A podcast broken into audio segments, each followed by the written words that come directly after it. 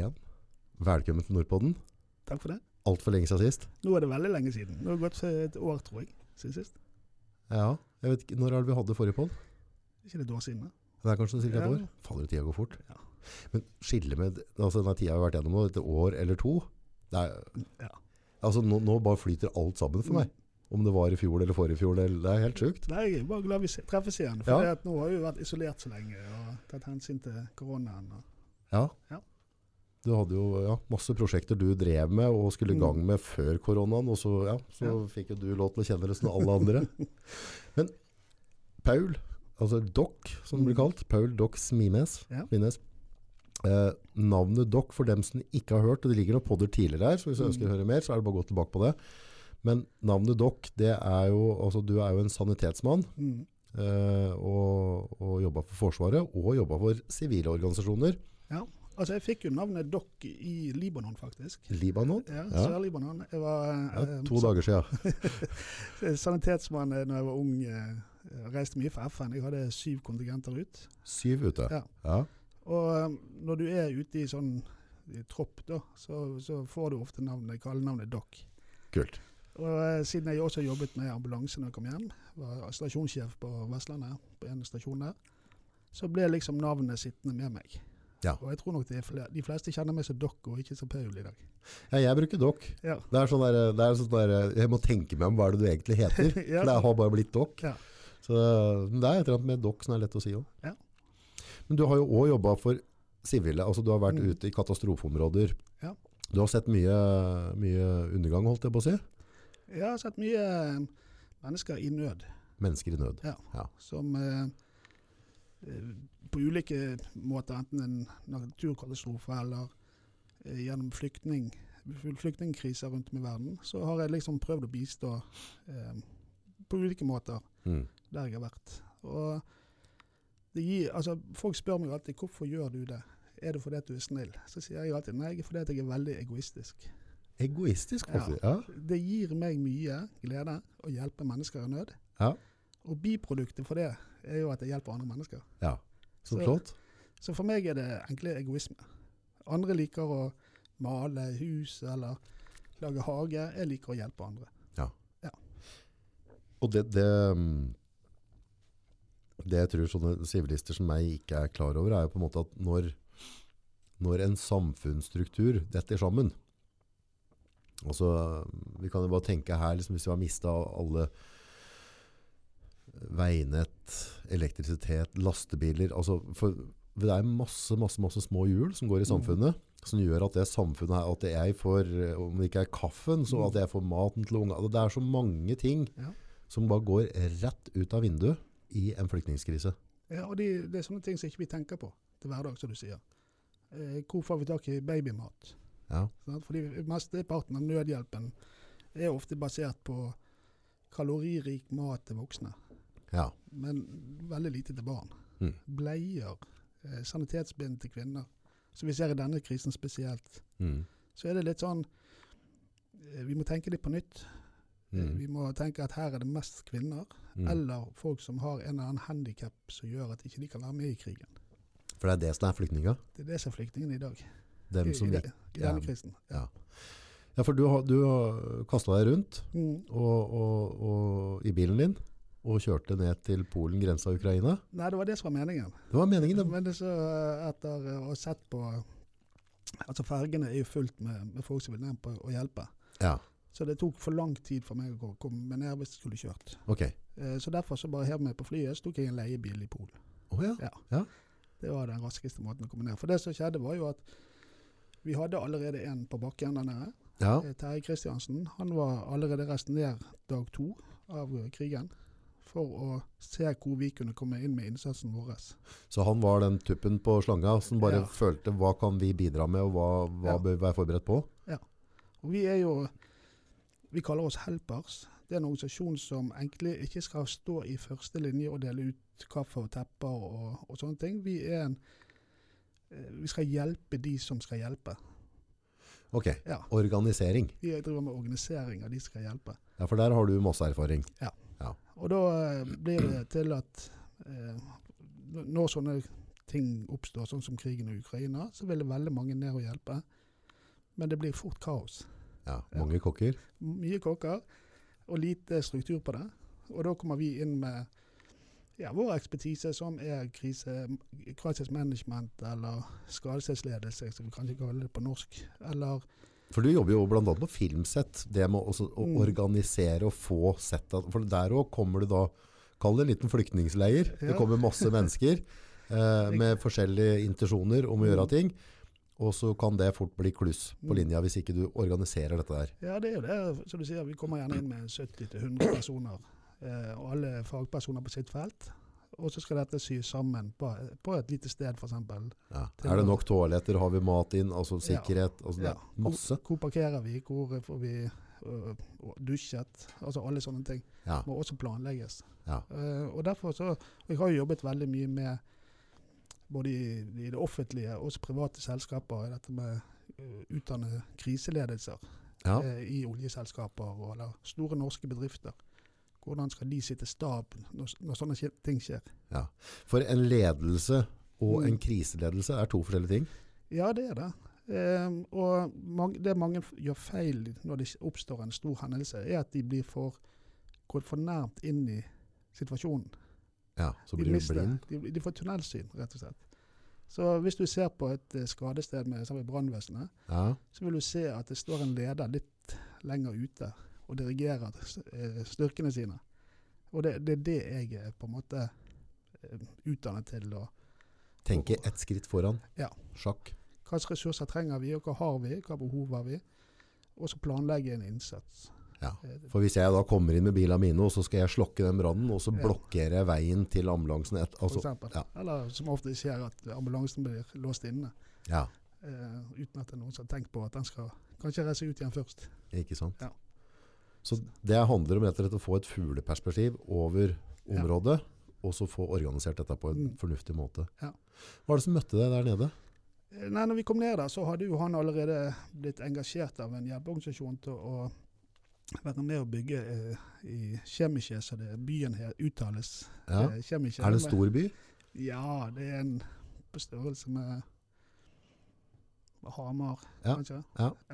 Eh, og det er ikke sånn det skrives, sånn det uttales. Nei? Nei? Det skrives vel premusyl eller noe sånt, Ja, men uttales kommer ikke. Okay. Så det var litt sånn for, forvirring da jeg kom ned. Hvor skal jeg kjøre? Ja, hvor er jeg? Ja. Ja. Så, nei, så vi, eh, han eh, var engasjert av en eh, organisasjon som drev med De skulle opprette et safe space for kvinner nede på togstasjonene. Safe space, hva, Ja, hva er det? altså, Det er et sted kvinner kan føle seg trygge og ta en dusj, og barna kan leke uten at eh, Våre største bekymringer der var jo trafficking. Ja, At det kom menn som lokket med seg eh, spesielt unge jenter i bilene og forsvant med dem. Okay. Og det var et stort problem der nede. Altså det er et problem. Det er et veldig stort problem i området der nede. Hvem er det som driver med dette da? Jeg skjønner at det er... jeg tror de var først på plassen nå, faktisk. Det, så når vi kom ned der, så så vi at her var det behov for å lage noen systemer rundt flyktningene for å ivareta deres sikkerhet. Så i et sånn, ja, for, for da må du bare rett og slett stanse muligheten til dem å komme Ja. inn på området da. Ja. Og det er ikke så lett. Eh, fordi at Polen er også avhengig av private tilbyr skyss for flyktninger. Og da blir det liksom Hvem er de gode, og hvem er de, de Det er jo umulig å se sikkert. Så når jeg kom ned der, så så vi at eh, Først var vi på dette senteret og skulle være med der, men vi så at de kanskje ikke hadde behov for vår ekspertise. Han er jo data... eh, Nei, ja, IT, IT, ja. IT-spesialist. Så det vi gjorde, vi reiste opp på grensen og så på behovet der. Ja, Og vi var vel tenkt å reise inn i Ukraina og se på behov der. Men så min vakre krone så snilt sier du er 54 år, dårlig knær, lettere astma og lesebriller, hva skal du bidra med der inne? Ja. Så da fant vi ut det at nei, vet du da kan vi heller kanskje eh, gjøre noe i Polen. Ja. Og det vi gjorde da var at vi reiste på dette Tesco-senteret, så har du sikkert sett mye inn i, i media. prøver ikke å se så mye media. Ja. okay. Tesco-senter, hva er det? Det er Europas største transittsenter for flyktninger. Eh, Transitt, og da vil si at da er det sånn en, mellom, altså Ja. de, en mellomlanding før de da blir sendt videre til andre. Ja, det er Ja. der de kommer rett fra grensen inn der. Og, og det var egentlig et nedlagt kjøpesenter Ok? som skulle vært revet når krigen startet. Eh, de manglet visstnok én underskrift på å få revet det. Ja. Og da kan du tenke deg eh, hvor dårlig forfatning det er. ja, det blir jo neste da. Ja. Det er liksom ikke et sted mennesker kan bo og leve. Nei. Så når jeg kom ned der, så så jo jeg at altså han eieren av dette senteret hadde bare sagt til kommunen bare bruk det. Jeg kan vente med å rive det, så bare ta dere til rette. Men det, det som skjedde da, var jo at mange organisasjoner bare flyttet rett inn. Så hele senteret var dårlig organisert. Ja. Og min første jobb da når jeg kom ned der, det var jo for det første identifisere hvem er lederen. ja. Og det viste seg å være en dame, kjempehyggelig dame, som hadde blitt sittet der av ordføreren ja. til å, å drifte dette senteret. Men hun hadde jo jobb ved siden av. Ja. Så hun jobbet nattevakt. Eh, og hadde liksom ikke noe kompetanse eller forutsetning for å Så hun har ikke blitt kjøpt fri fra nattevakta si engang? Nei. Så hun var der noen timer før hun gikk på nattevakt, og noen timer etter hun kom fra nattevakt, og så gikk hun hjem. Og det som skjedde da, var jo at jeg ble lederen på dagtid Ja. på senteret. Ja. Um, og det første jeg måtte gjøre, det var rett og slett altså, tenke sånn som vi gjør i store hendelser. Hva haster, hva kan vente, hva må vente. ja, for da må du Begynne å sortere hva, hva er det viktige. Og allerede dag to så begynte vi å planlegge ny oppbygging av det senteret på rominndeling. For det at nå gikk det for mye turister, som jeg kaller det ofte. ja. Eh, og mennesker som ikke hadde noe grunn til å være der inne. De gikk bare rundt blant eh, flyktningene. Det må være et problem å drive med trafficking òg. Det er et veldig stort problem. Og de gikk rundt med skilter og at eh, de kunne kjøre da en, en jente til Warszawa f.eks., eller til Tyskland. De gikk rundt med, med viste bilder av luksushus i Tyskland og Frankrike. At de kunne ta de der til. Og det var ingen oversikt over eh, hvor disse jentene ble av. Så en av de første jobbene jeg gjorde, det var å flytte resepsjonen. Det, det første du møter, det var, var da eh, der som flyktningene ble sjekket inn og fikk et armbånd med, med ID. Ok?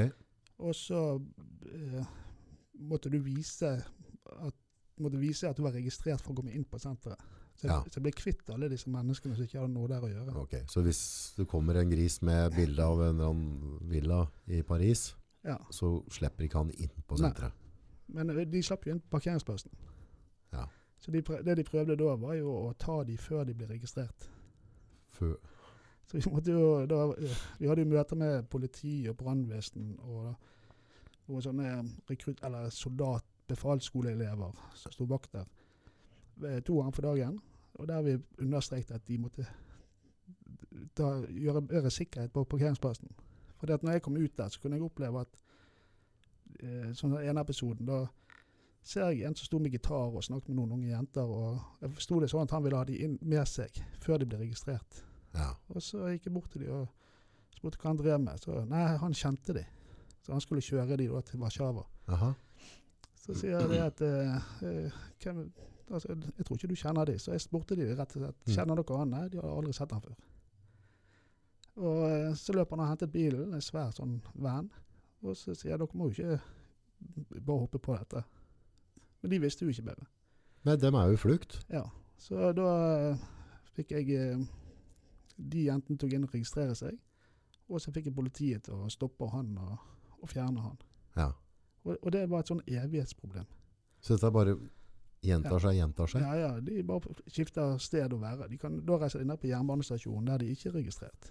Eller det reiser til Warszawa der de bor gjerne på gaten. Og da er det ikke noe system som informerer de jentene som kommer inn med tog eller buss, at pass dere, altså Mm. dere må registreres inn. Her er dere fritt vilt. Og Det var jo eh, også det vi også hadde fokus på, at vi begynte å dele ut informasjon på grensen allerede. Ja. Og så ville vi flytte registreringen opp til grensen. Eh, De polske myndighetene ville jo ikke det. For de ville jo ikke ha en propp der oppe. Nei. De ville bare få de fortere inn i Polen og, Ja. og spre de der inne. Så eneste måten å gjøre det trygt, er liksom å, å gjerde inn fra grenseovergangen til Ja. det senteret, egentlig. Ja. Og det, det klarte jo ikke vi. Nei. Og, og igjen, de polske myndighetene var vel ikke interessert i det heller. Eh, de hadde vel en veldig slapp holdning til hele systemet. Tok de ikke på alvor, tror du? Jo, men det er veldig mye politikk i dette. Så- Veldig mye. Altså, det virker som de polske myndighetene helt oppe, altså presidentnivået, de vil jo egentlig ikke være med i EU eller noe sånt har vi fått forståelsen for. Og de har en litt sånn slapp holdning til, til hele problematikken. Ja. Eh, og de har skjøvet problemet ned til ordførerne i de, altså de enkelte lands, landsbyene og byene. Ja. Og de har jo ikke ressurser til å ivareta eh, så mange flyktninger som kommer samtidig. Ja. Når du sier så mange, mange er det Ja, vi hadde på senteret ca. 5000 gjennom hver dag. 5000 Ja. individer gjennom mennesker hver Ja. dag. Og på senteret vårt, så når jeg kom ned der, så var jo det eh, delt opp i forskjellige rom. da. De som ville f.eks. til Norge, Sverige eh, eller andre land, de bodde på noen, i noen butikklokaler. Mm. Eh, og de som ikke visste eller ville være i Polen, de bodde på det største lagerbygget. da. Ja. Eh, men der fikk vi beskjed om at det fikk ikke vi lov til, så vi skulle bare ha det i 12-24 timer på senteret før det ble sendt videre. Da skal de videre. Da skal de videre. Så da ble det enten ja, tog til Warszawa eller Krakow. Og hva som skjedde med de der, det vet jeg ikke. Men eh, For da er jo problemet enda større med trafficking. så, så det var litt sånn frustrerende å prøve å, å lage et uh, trygt sted for de der. Og så visste vi at de, dagen etterpå så var de fortsatt fritt vilt. Og jævlig frustrerende. Ja, Det var det. Og vi ser jo også nå i, gjennom media at i Norge er det blitt et problem. Folk som oppsøker flyktningemottak I Norge? i Norge. Nei. Jo da. Og, og jeg syns jo det er så Er vi der? Ja. Det er så low life at uh, altså Hva er det med menneskets natur, da? Nei, det, det vet jeg ikke. Disse mennene her bør ikke sendes med fly til ned til Ukraina, så kan de stå der nede og kjempe istedenfor. Ja. Så, nei, det er trist. Så, og et annet eh, fokus jeg måtte sette i gang ganske, ganske fort, det var jo hygiene. Når du har så mye mennesker som kommer gjennom eh, et, et kjøpesenter, som det realiteten er, Ja. eh, på 13 000 kvadrat, så er jo det eh, Vi mangler toaletter. Sant? Så vi fikk, sette opp sånne festivaltoaletter veldig fort. ja. Men vi manglet eh, håndvask Ja. for, for at de skulle lov å vaske seg. Eh, Få i gang dette systemet med å tømme disse toalettene og rengjøre de tok jo flere uker. ja. For de blir da fulle ganske fort, Ja. ikke sant? Og det, det var grisete. Og så vi hadde da eh, utbrudd av mage-tarmvirus på, på senteret. Ja. Og klart det at vi, når jeg kom ned der, så hadde ikke vi mopper engang til å vaske opp dette. Så folk gikk jo og trakket i dette og dro det med seg gjennom. I oppkast og avføring? Så vi hadde da Senteret var jo mer eller mindre drevet av frivillige organisasjoner. Eller frivillige enkeltpersoner. Så vi begynte å organisere og kjøpe inn mopper. Så vi fikk vasket. Vi organiserte vaskegjenger av frivillige som vasket uh, hele tiden. Eh, og, så det var jo en døgndriftoperasjon på dette, som var veldig omfattende. Ja. Og vi hadde ca. 100 frivillige i, i døgnet som jobbet bare med å ta vare på disse gjestene, som vi, som vi kalte det. Ja. Vi kalte ikke det flyktninger. Nei. Det var en av de første tingene jeg innførte, det at vi kaller ikke de Nei. flyktninger, vi kaller de gjester. Ja. Og det er også fordi at vi gir de en status der vi tar imot de som gjester, Mm. og vi, de får også en følelse av at de har en høyere verdi enn bare en, en flyktning, for å si det sånn. Ja. Ikke bare noe kveg som skal dyttes gjennom. Nettopp. Så, så når vi skiftet bare den lille enkle tingen å kalle de gjester, så fikk vi vi så hele stemningen blant, eh, blant alle ble forandret. Ja. Så det var veldig gøy å se. Ja. Ja. Men for å få et sånt transitsenter til å mm, fungere mer optimalt, da, Mm. er det umulig, eller er det bare snakk om politisk vilje? Eh, Nei, altså umulig er det ikke. Det er jo faktisk ganske lett. Eh, Men det som vi manglet Vi manglet jo eksempel, vi hadde ikke PC-er. Så vi, eh, vi satt med håndskrevne lapper og skulle drifte dette senteret, og det, og det, går, det, det er umulig. Ja. Det klarer vi ikke. Bare det Plutselig en dag så gikk vi tom for sånne registreringsbånd. Ja. Så da måtte eh, Terje Karlsen på IT han ringte Sintef i Norge. Ja. Og de satte ned et team som jobbet døgnet rundt eh, med å få dette på plass. Ja. Eh, og de, takk til de, for de har jo gjort en kjempejobb for oss. Denne. Eh, bare det å lage lister over vask av toaletter Altså alt sånne småting som vi tar for gitt fordi at vi har PC her. Ja. Det, det, det manglet vi der nede. Ja. Så vi kunne gå plutselig tom for søppelsekker plutselig. For vi hadde ikke et invitar som som var overvåket. Ja. Så, ja, ikke sant? ja, Det er jo så enkelt. det er så enkelt. Hvis ikke det kommer opp et sted at nå må vi kjøpe inn, så går det tomt. Ja. Og så finner vi ut av det, for det, er for, det skjer så mye ting. Så du har ikke sjanse til å ha mentalt overblikk på alt. Nei. Og, og det frustrerende er jo at på rett på andre siden av parkeringsplassen der lå det et annet svært senter som også solgte PC-er og, og teknologi. Så etter eh, vi skulle flytte ut disse registreringsstasjonene for sjåfører og frivillige ut Ja. i noe telt på utsiden. Det tok fire dager der vi ventet på strøm. Og til slutt så gikk vi ned og kjøpte 400 meter med skjøteledning og dro strøm ut for å få det operativt. Ja. Så alt var der nede. Altså Polen er jo ikke noe fattig land. Nei. Men, eh, men vi, vi måtte bruke våre egne penger da på å kjøpe PC-er og skjøteledninger og mopper og, og sånne ting. Og det er jo det som er så fortvilende, for når vi ser da at den hun norske utenriksministeren og Røde Kors-sjefen står nede på grensen der, og han får mange millioner. Ja. Og så står vi der og må liksom samle tomflasker for å få kjøpt eh, for å få kjøpt mopper til å vaske med. Så det er litt sånn de store mot de små Ja. i dette.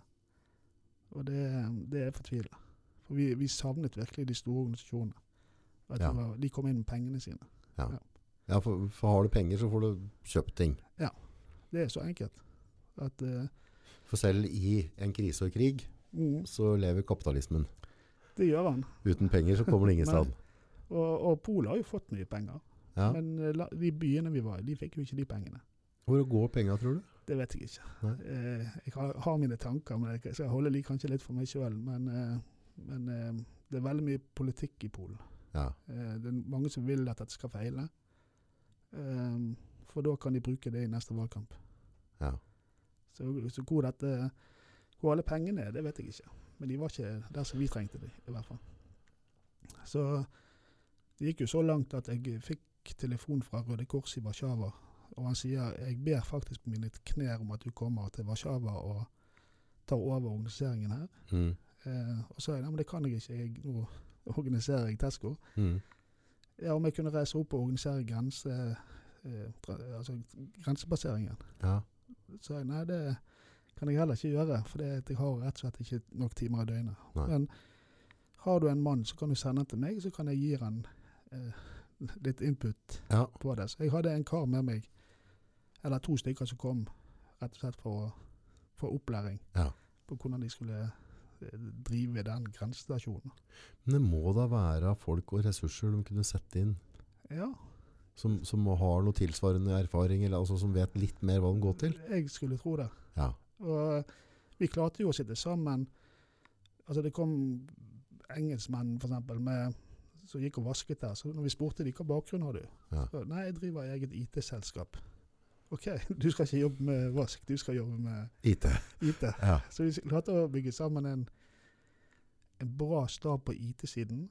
Vi var ikke så heldige på, på ledelsessiden. Der vi hadde noen kandidater som kom inn og skulle ta over når vi skulle hjem. Ja. Men de holdt i to dager, og så knakk de sammen. Ja. Så vi, vi kjemper litt enda for å få inn gode ressurspersoner i, i ledelsen.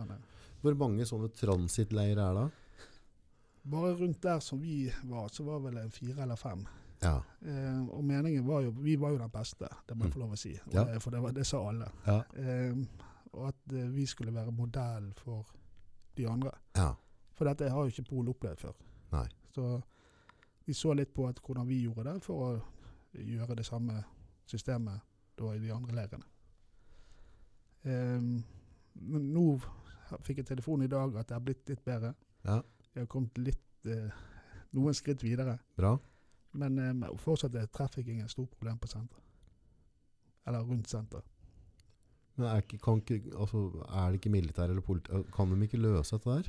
Jo, det syns jo vi. At det skal være lett å løse. For er du avhengig, er du avhengig av privatpersoner som kjører folk nå for at dette skal skli, eller går dette med busser og tog egentlig? Jeg mener at det er nok med busser og tog. Ja. Eh, og vi hengte jo opp skilt at det var forbudt å eh, altså kjøre privatbiler. Ja. Eh, altså vi, vi, sjåfører fikk ikke lov å komme inn på senteret. Nei. Eh, samtidig hengte vi også opp skilt at det var forbudt å ta bilder og filme der inne. Ja. Eh, og jeg tror nok vi var de strengeste i hele Polen på det. For Ja. jeg ser journal ingen journalister fikk komme inn til oss. Nei. De måtte vente ute. Ja. Men andre sentre, da, da står de og filmer inne på sentrene. Ja. Og det er jo brudd på mange internasjonale lover. Vi, har jo et krav, vi har jo et krav til beskyttelse i en sårbar situasjon. Så klart. Og media var vel kanskje det flink til å trakke over Ja. de grensene veldig ofte. Ja, for det, det, det krysser jo veldig på en måte det å gå inn og filme for å opplyse verden, Mm. for å, å, å øke bevisstheten og få mer hjelp, og, og ut og gjøre det bare for å få klikk. Mm. Det er to ganske forskjellige ting. Det er det. Og, og dessverre så er det vel sånn også at skal du få folk til å sende inn penger, så må du vise eh, Ja, ja. folk sånn så. Det ser jo du på TV hele dagen. Altså Mm. Folk viser små barn som sulter og Ja. for at folk skal sende penger. Jeg syns jo det er en uting. Mm. Men, eh, men systemet er sånn, kanskje. Men jeg stoppet det på senteret. De fikk ikke lov å komme inn. Nei. Eh, og det respekterte de. Ja. Eh, Ja, for det må jo være på en måte Hvis du skal på en måte Hvis det skal, hvis det skal være den type eksponering, så må det være for en grunn. mm, Det kan ikke være sånn at man bare flyr vilt rundt, og så mm. Og så må vi tenke også på det at eh, altså Russland har, eh, er god på, på IT. mm. Eh, og de bruker eh, ansiktsgjenkjenningssystemer. At hvis det kommer en familie til en offiser i Ukraina, så kan det bli brukt til å presse den offiseren. Ja. Og det tror ikke så mange i media tenker på. At eh, Nei, for det er krig. det er krig. At, eh, og det er nettopp det det er. Det er krig. Dette er ikke en katastrofe. Nei, dette er- ikke en sultkatastrofe eller en naturkatastrofe. Dette er krig. Og vi hadde jo jeg hadde et møte med det er noe som heter World Kitchen, som leverte mat inne på senteret. Mm. Um, også en restaurant, men alt var gratis. Mm. Så spør jeg de hvor får du maten fra. Nei, det er folk som kommer og lager det gjerne hjemme, og så leverer de. Hva er sikkerheten der? Ja, hvor er sikkerheten der? Altså Hvis jeg var da imot Ukraina, så kunne jeg laget en svær spagettibolle med, med rottegift Ja. oppi. Ja. For å skade disse kvinnene og barna. Så bare det å tenke sikkerhet på en annen måte enn de gjør i naturkatastrofer, f.eks., det Mm. er Der manglet det mye. Hvordan var angstnivået holdt jeg på å si, på de flyktningene? Altså hvor uh... Nei, altså Noen sleit veldig. Ja. Um, av ulike grunner. Um, både fordi de har opplevd ting, men også fordi at den reisen de var ute på eh, de, savn, eller de var redd for de som var igjen i Ukraina. Eh, inne på senteret der så hadde vi tre legekontorer. ja. Det var Polsk Røde Kors, og så var det en ukrainsk organisasjon som delte ut medisiner til de som ikke har fått med seg medisin når de reiste. ja. Og så hadde vi et annet legekontor som jeg ikke helt fikk forståelse av hvor kom fra. Men, eh, og vi hadde fem-seks legegrupper som kom hver dag og ville Jeg måtte bare avvise dem, for vi hadde mer enn nok av leger. ja. I tillegg så hadde vi et eget psykososialt team med psykologer ja. som gikk rundt i, i disse butikkene, da, eller rommene, eh, og snakket med folk. Og de rapporterte jo tilbake til meg at det var en del barn og en del voksne som reagerte veldig sterkt. Så de brukte mye tid på å eh, snakke med. Mm. Men så jeg sa til dem at de fikk ikke lov å begynne behandling på senteret der. Nei. Fordi at de ikke er ferdig med reisen sin. Nei. Å begynne med behandling da midt i reisen, det blir feil for dem. Mm. Så det de fikk lov å drive med, det var liksom førstehjelp. Mm. Mental førstehjelp. Mm. Å snakke og, og være til stede for dem, men ikke drive med behandling. Vi hadde, hadde en lang diskusjon med et italiensk psykologteam som ville ha på en måte et kontor der inne. Mm. Men de fikk ikke lov å være der pga. nettopp den innstillingen at de vil skal ikke drive med behandling under selve flukten. Nei. Eh, så det var jo liksom også det å få disse legene til å ta eh, altså fordele arbeidsoppgaver. Ja. Og da ble jo det selvfølgelig at de måtte ta seg av hygienen Ja. og sjekke maten, at den var varm nok. Ja. Ikke folk ble matforgiftet. Ja. Så det var også en del av jobben å fordele liksom disse kritiske jobbene til de riktige personene. Ja, for, for hvis jeg forstår det rett nå, så, så fokuset da er jo når det er krig, Mm. så er du på en måte egentlig, du er i første, altså nå er du i førstelinje. de har ikke på en måte, altså nå, nå må vi dekke primærbehova, sørge for at det ikke blir Mm. matforgifta, nå må vi på en måte holde dette her. Ja. Så er det sikkert enormt viktig at, at de gjestene dere hadde der, når du tenker sånn traumatisering, at de føler at det er trygge rammer. Mm. Altså hvis du har et system, enkelt å følge, du vet hvor du skal gå, du vet Mm. hva skjer i morgen, så må det hjelpe veldig på angsten. Kontra at du ikke Ja. har peiling på hva som skjer i hele tatt. Informasjon, rett og slett. Informasjon er jo et, alltid et, mangelfull i sånne situasjoner. Du får aldri nok informasjon. Um, og det, det, det også det som du sier der, det å, å, å legge ting til rette var jo også en av de viktigste fokus. Etter vi hadde liksom fått systemene i orden, Ja. eller begynt å få det i orden, for dette gikk jo veldig fort. Ja. Eh, Det var jo forandringer hver dag senteret der til slutt. Så var jo det liksom det å få eh, ut informasjon til dem. Og da var det liksom å få, få de inn der, registrert de, gi de en seng. Eh, gi de Altså, de, de skal ha mulighet til å hvile litt, de skal få mat, de skal få rene klær hvis de vil, for det Mm. delte vi også ut. De skal få følelsen av at her kan vi slappe av litt. Mm. Og så kommer det neste, da. Hva gjør vi nå? Mm. Og da hadde vi en rekke, en sånn butikk som vi gjorde om til et sånn nesten et reiseselskap. Ok. Og der satt alle landene, altså Norge, Sverige, Finland, eh, altså hele Europa satt der med sine representanter. Og folk, de som ønsket det, kunne gå bort og så skrive seg på en liste at de ville f.eks. til Norge. Er det da myndighetspersoner fra Norge? UDI, Nei. eller? Nei, nei, nei. Nei. Her var det bare frivillige. Bare frivillig Ja. fortsatt? Vi hadde en eh, annen, het hun. Kjemperessurs. Hun eh, satt der i flere uker og, og registrerte eh, kvinner og barn som ville til Norge. Ja. Og da kommer det da busser fra Norge ned, og så har hun da eh, samlet sammen til å fylle opp den bussen, og så blir det da returnert til Norge. Men de bussa da, er, Mm. er det da fortsatt privatpersoner, eller er det myndighetene som stepper inn der? Nei, det er privatpersoner, men det er litt mer eh, kan vi si organisasjoner. Mm. Eller, eller sånne Altså det er litt mer hold bak det enn bare enkeltpersoner. Så du vet da, hvis du fyller opp en buss og sender til Norge, så, så har de, de har Ja. rent drikke på bussen, de kommer til å stoppe som blitt altså Ja. det blir tatt vare på Ja. hele veien. Og så um, gjorde vi også et system der at eh, bussjåførene da ble, ble, måtte ha et eget bånd, der vi hadde sånn QR-kode på de. Mm. Og da tok vi de gjestene som skulle til Norge, de ble linket opp mot han sjåføren. Så vi visste at han hadde med seg, eh, og hvem han hadde med seg, eh, på den bussen. Ja. Og på den måten så kan vi ettergå da senere hvis noe forsvinner. Ja. For det var jo det privat, altså de privatbilene så var det et problem. Ikke sant? Du har ikke kontroll på hvem har tatt med Og det, vi har jo blitt forespurt mange hvor er de, hvor er denne damen f.eks. Ja. Og, og vi prøver å hjelpe politiet med å finne de tilbake igjen.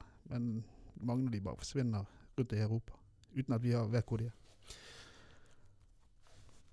Og det må jo òg være i en sånn i en krig, når det er så mye mennesker som flytter, så, så lurer du på hvor er dattera mi, hvor er Mm. tanta mi, hvor er mora mi? Altså, for det er jo gjenforening, familiegjenforening. Mm.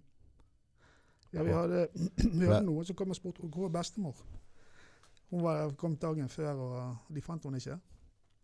Og gjennom rett og slett detektivarbeid Ja. Så, Og vi, igjen, vi har ikke PC-er.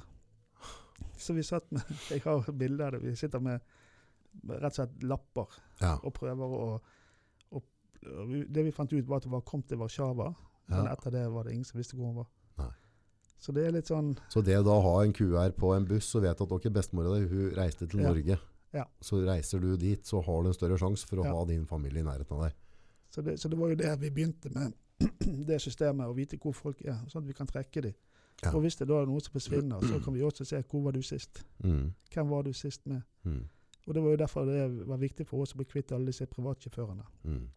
som gikk rundt og, og lokket damer før vi fikk satt på dem et armbånd.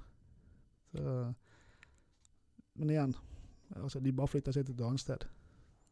Ja, men, ok, men fra transit, da, hvis du da på en Mm. måte fyller busser og har kontroll på det, så, så har du, minimerer du sjansen veldig, da, for da Ja. går den bussen til Norge Ja. eller Sverige. Altså da går den til en destinasjon. Og så er det opp til det norske myndigheter, og de kommer her til, å registrere de på en måte inn, sjekke de inn i Norge, og så vite hvor de er her.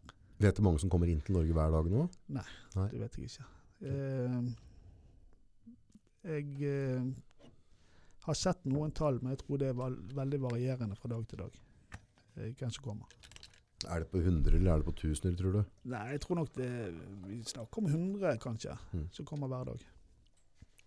Mer kaffe? Men eh, vi ser jo som sagt eh, at eh, systemet i Norge er jo ikke vanntett heller. Nå var jo en ung jente som ble voldtatt eh, oppe i Tromsø av en kar. Ok. Eh, så på nyhetene i går. Ja.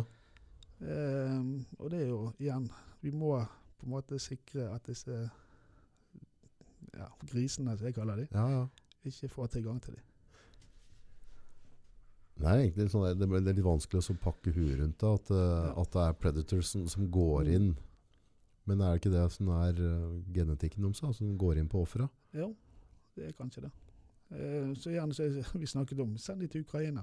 Når- vi tar de, så Gi sender dem en vi rifle, og så kan de få lov til å Skal vi fortelle de som tar imot dem at det er grunnen til at de er der. Ja. Så ser vi hvordan det går. Ja. Det er litt sånn brutalt, men eh, jeg blir veldig sint når jeg ser, ser disse unge jentene bli tatt. eh, og vi klarer ikke å stoppe det. det er, de fyller biler, og det er det siste vi ser til dem. Det er liksom, eh, ja, om det er som en eller to sånne gubber som gjør sånn, så eh, jeg, jeg har ikke forståelse det, men, men når det blir en sånn en, sånn, en trend, Ja. al altså at det kommer køer inn, Mm. det er helt. Ja, vi hadde en, eh, jeg sto faktisk og ble intervjuet av Dagbladet eh, om dette med trafficking. Og rett bak meg så stoppa det da en bil med tre store karer i. Dette var en liten bil. Og gikk, eh, sjåføren gikk ut og hang skilt over, eller rundt halsen og at han kunne kjøre folk til Warszawa. Så jeg eh, bare stoppet ting. Hva er det du driver med? Dette er ikke lov, sier jeg. Nei. Nei, men han gjorde, ville nå bare hjelpe. Så, men altså, hvor mange kan du hjelpe inn i den bilen? Ja. Det er kanskje én Ja. dame, så er det plass tilbake i bilen. Ja. Og hvis du vil hjelpe, så har jeg endelig noe jobb til deg. Da kan du gå ned og registrere deg, skal, jeg, skal du få lov å begynne å vaske her inne. Ja. Men det, det gjorde de ikke. Nei. Så de gikk og hovret der til de så at jeg skulle gå. Og da prøvde de seg igjen, og da fikk jeg jaget de vekk, rett og slett. Ja. For det at eh, Det kan godt være at du har et stort hjerte og har lyst til å hjelpe mennesker i nød, men når det kommer tre storvokste karer i en bitte liten bil, så ikke det er plass til Ja. en familie så er ikke det En pluss en. Det er veldig én pluss én. Mm. Og det er Men du prater på leger. mm, For det som uh, Det er jo folk som har behov for hva, altså om det er insulin eller om Mm. det er altså blodtrykksmedisin. Ja. Altså, det kan være mange som har medisinske mm, utfordringer. Hvordan løser jeg det da? på en måte? Altså, for det, det må jo bygge en veldig angst. da. Hvis Mm. jeg da er avhengig av insulin, så vet jeg at jeg har ikke så og så mye, og så skal jeg på en buss til Norge eller Sverige eller Mm. Finland. Hvordan, hvordan sikrer vi altså Det var jo mange som donerte medisiner nede. Ja, Eh, og da var jo det viktig for oss å få sortert det. For det, det kunne ligge da hjertemedisin sammen med hostesaft. og alt. Ja, alt var liksom bare oppi samme posen. Så, så det, vi satt eh, da folk, leger og sykepleiere til å sortere. Bare for å ryddet opp i det. Og så hadde vi et, en, et apotek der inne, mm. som eh, mennesker som trengte medisiner, kunne komme og få ja. eh, medisinen de trengte. Eh, så kan vi si det at det var kanskje ikke nødvendigvis eh, Vi måtte stole på hva de sa. Ja, ja. Ja. Du har ikke noe resept. Nei, du har ikke resept, og du har ikke noe bakgrunnsinformasjon. Så, så de som drev med det Jeg var ikke alltid enig i hva de gjorde, men, men eh, de fikk nå De fikk nå operere der inne. Mm. Eh, ellers så hadde vi da leger som kunne på en måte behandle de symptomene som kom. Mm. Eh, og de gjorde en kjempejobb. Eh, og de vi, Det var jo en døgnåpent, så det var liksom mye ressurser som blir satt inne. Men så er jo det også sånn med sånne katastrofer eller sånne innsatser etter her. De første, den første måneden så er det masse folk som kommer. Mm. Og jeg sa til disse legeteamene som kommer og ville bidra eh, Kanskje dere kommer tilbake med en måned eller Mm. to måneder. Mm. For da trenger vi dere. Mm. Vi trenger ikke dere nå, for nå har jo vi Vi måtte jo skubbe vekk legeteam hele tiden, for, for det var så mye, mye av de. Men men sånn som nå, eller om en måned, så forsvinner de hjem igjen. Mm. Og da trenger vi liksom folk som kan avløse. Mm. Så det er litt sånn En av de tingene som jeg hadde fokus på, var jo også dette med Vi, vi brukte ca. 100 frivillige pasienter hver dag. Det var, Mm. det var minimum vi trengte. Og Hvis du tenker deg en sånn X- og Y-akse, så har du tid og så bortover og, og personell oppover. Og du har en sånn stiplet linje som sier minimum for å, for å være operasjonell. Mm. Eh, på et eller annet tidspunkt så vil den ved frivillig begynne å gå nedover. Ja. Og så må du finne ut når er det krysset Når kommer den kritiske grensen der vi trenger folk. Eh, så vi fikk en organisasjon til å begynne å ansette frivillige, Mm. sånn at de hadde en jobb. Og de kunne stå der nede litt lenger enn bare gjerne 14 dager ferie. Mm. Eh, men så er det også viktig å, å ikke brenne de ut. At ikke de jobber døgnet rundt. Mm. Så jeg innførte da tolv timers vakter. Mm. At de var tolv timer på, og så måtte de ha tolv timer hvile. For det er klart, når du reiser ned der, så jobber du døgnet rundt.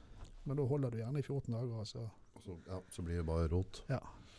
Ja, for jeg har jo, som sikkert veldig mange andre, òg, følt litt på at en kanskje skulle vært nede og gjort et eller annet for å bidra. Um, og så skjedde ting veldig fort der. Mm. Så det jeg jo for så vidt tenkte, er jo litt i kjølvannet av det du sier her, at eh, det har gått opp for meg at dette her er en langvarig Mm. eh, problematikk. Så det, det er liksom ikke Istedenfor å drive- og sprenge i køen, så heller bare puste litt med magen nå, Ja. og, så, og så kommer min tid. Der jeg eventuelt kan få være med og bidra med Mm. noe. Men hva bør folk tenke på? Altså, hvis du tenker sånn at ok, jeg ser at uh, jeg har lyst til å bruke Jeg kan ta ut tidlig sommerferie, jeg kan reise i mai, altså et, gjøre et Mm. eller annet. Og jeg ønsker å bruke de tre-fire ukene der nede. eh, og ha mulighet til å få tilpassa det med jobb og økonomi, så det kan skje. Men hvordan bør hva bør jeg gjøre altså for at det skal gagne folket der Mm. nede best mulig? da? Hvor, er, det, er det noe sted jeg kan uh, melde min Mm. interesse? Uh, hvor god tid bør jeg gi dem? Altså, Mm. Jeg skjønner jo nå at nå kunne, for til den aksa Ja. så hadde det vært veldig stor hjelp for deg å vite at i 1. så kommer det 30 stykk inn Mm. som har den og den kompetansen. Ja. Altså, vi i Helpers vi har jo eh, samarbeid med, med mange små eh, organisasjoner der nede. Mm. Ulike organisasjoner, sånn som Paracrew. Veldig flott organisasjon. De driver og går over grensen om natten. Mm. Og så gir de mat og, og sånne ladere, eller sånne powerbanker, Ja. til folk som står i kø for å komme ut. Ja. Ehm, så de driver mer sånn aktiv eh, ja, for det står folk på i kø, altså Ja. som ikke kommer seg over. På grunn av at det, skal, for de, det er ikke sånn at de har åpna grensa, bare løp ja. den retningen, folkens. Du skal registreres inn. Ja, Og da eh, kan du gjerne stå der i fem-seks timer Mm. eh, midt på natten og fryse. Mm. Eh, og de har jo bare med seg det de klarer å bære. Mm. Så da går de inn med, med litt sånn varm, varm drikke og, og powerbanker og litt sånn, og, og gjerne hjelper eldre som, som trenger det. Mm. Eller folk med et eller annet handikap eller noe sånt. Så der har vi en gruppe. Og så har vi en gruppe som eh, driver inne i Ukraina med Mm. forsyninger. Henter det i Pol og kjører det til Lviv f.eks. Mm. Eller lenger inn, hvis de, de trenger det. Eh, så der eh, er det en gruppe som, som også trenger ressurser etter hvert. Vi har eh, folk på, på Tesco-senteret. Mm. Eh, vi har også folk på andre grensepasseringer nå, som eh, bygger opp sine egne lagre med forsyninger, sånn at de kan da frakte de over grensen. Så, så vi trenger masse folk også i fremtiden. Og ta gjerne kontakt med oss på helpers.no Ja. for å melde hva du kan, og hva du har lyst til å Så kan dere være behjelpelige med å sette dem i kontakt. kontakt med, med de riktige instansene. Ja, for det er viktig å havne på riktig sted. Ja, ellers så blir det mye armer og bein, Ja. kanskje. Og du kaster bort tiden din med å leite hvor vil du, hvor vil du jobbe. Minn meg på at vi, at vi legger ved link. At Ja. vi at vi får inn den linken der nå. Ja. Så hvis det er noen som tenker dette, og om du ikke har tid til å reise ned neste Mm. uke, så kan det godt hende at i september Ja. så er behovet akkurat like altså, Vi begge vet at det behovet er Mm. sikkert like stort da. Ja, og så skal vi også tenke på eh, Vi bør jo allerede nå begynne å tenke på gjenoppbygging av Ukraina. Mm. At uh, det også kommer en fase der vi skal inn og, og bidra på den siden. Mm. Så, så det er mye, mye arbeid som gjenstår i Ukraina. Mm. Det er ikke bare sånn etter en måned så er alt på stell. Ja. Uh, heldigvis nå så begynner de store organisasjonene å komme på plass. Jeg så flyktninghjelpen var i Warszawa i hvert fall. Mm. Eh, vi traff jo mange sånne FN-organisasjoner der nede, men de var ikke der offisielt. For de må jo bli invitert av den polske regjering. Ja. Men det ser ut nå så det begynner å løsne litt, så de store, tunge kommer inn. Og, og det er på tide. Hvordan er rekrutteringa av de flyktningene som kommer over grensa da? Eh, Er, Ja. blir det rekru- rekrutterer dere mye der med mennesker som, som da velger å vente med å reise videre, men blir bli igjen og hjelpe til? Al altså det som, og det er også en side der at motsetning til andre katastrofer som vi har sett, sånn som dette, de som kom til Lefsos og, og Hellas, og, og de som kom fra Syria til Sør-Libanon, så er jo ofte det Europa det er et, et steg opp for dem. Ja. Det liksom, når de kom til Europa, så er de reddet, liksom. Mm. Ukrainerne vil ikke til Europa. De vil være Ukraina? De vil være i Ukraina, Ja. eller så nærmt som mulig. De vil Ja. gjerne være på grensen bare. Ja. Eh, de ser ikke på det å komme til Norge som noe Lykke? lykke altså Det er ikke noe, det er også vi hadde flyktet til Danmark. Ja, ja, det hadde ikke ja.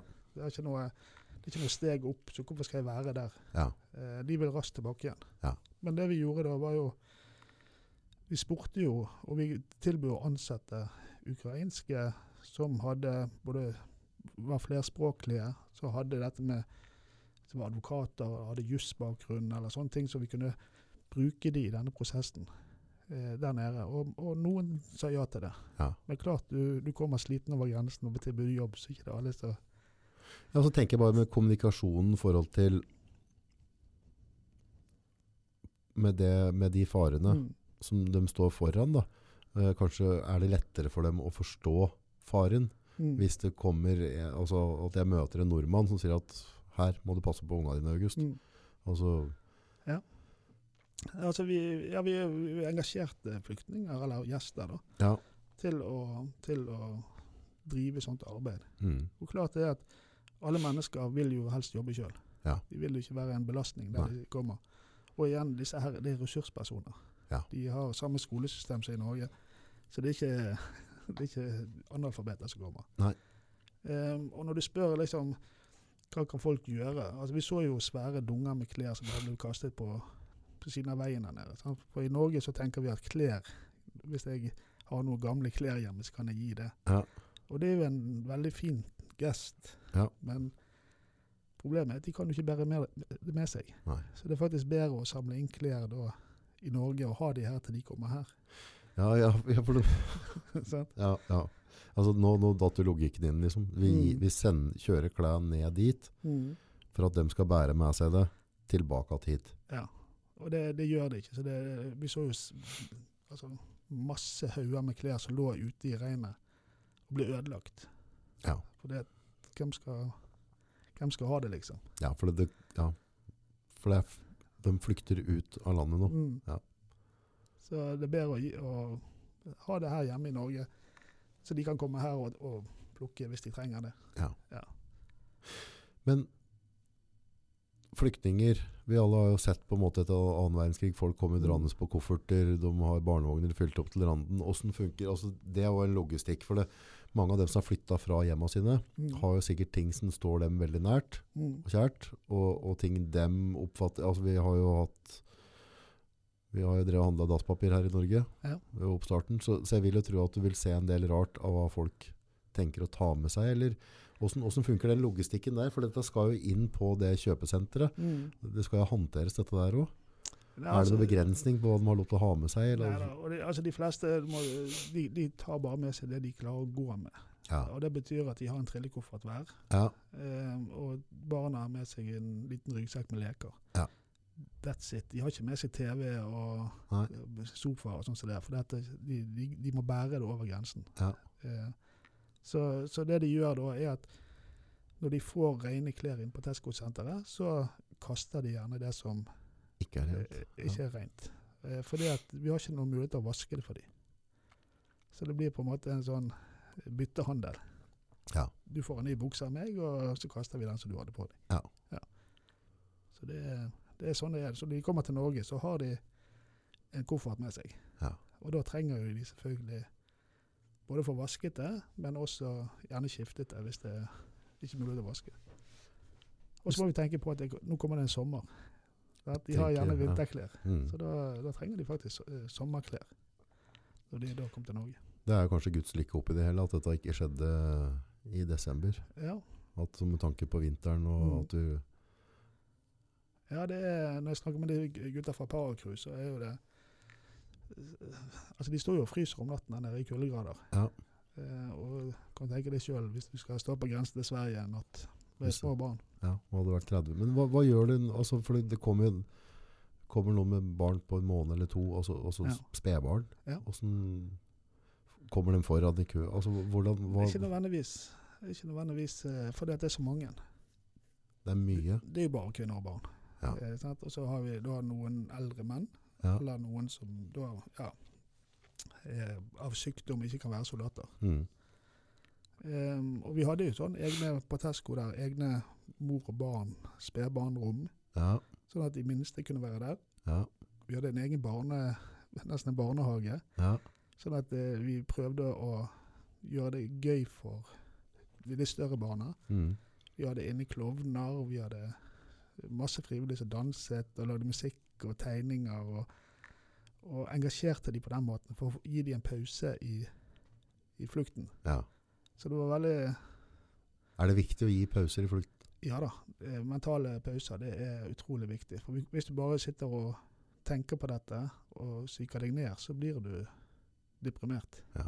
Eh, Så vi prøvde å gi barna en positiv opplevelse, før vi visste da selvfølgelig at de måtte reise videre. Og det er selv meg som er, ser på meg sjøl som en tøff kar med mye kunnskap, og du må vekke 400-500 barn klokken åtte en eh, fredagskveld og sende de ut på veien igjen. Ja. Fordi at du vet at det kommer et nytt lass, og du trenger den plassen til det nye lasset. Mm. Så eh, falt det noen tårer, Ja. for å si det. Det er, det er tøft. Eh, så både far og, og alt å stå måtte fortelle en mor med et lite barn at sorry, nå har du vært her for lenge, nå må du videre. For det at hvis ikke vi har plass, så kommer ikke de over grensen. Da stenger de grensen. ja. Så du er nødt til å dytte dem videre? Ja, Så da må de på tog til Warszawa eller på busser til, til andre steder. Men det er jo ikke det du har lyst til. Du Nei. vil jo at de skal få sove. Ja. Hva er den største frykten for mødre der?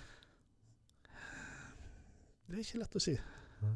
Er det noen gjentagende spørsmål du får, eller usikkerhet rundt? Nei, jeg tror eh, det jeg opplevde var at de, de er oppegående, de som er der. De, de vet sin situasjon. Eh, de er lei seg for, selvfølgelig for situasjonen hjemme. De er redd for den mannen som er igjen hjemme, eller besteforeldre. De er usikre på hvor de skal og hvordan det skal gå med barna. Men de er også litt sånn nummen. De er i den flyten. Ja.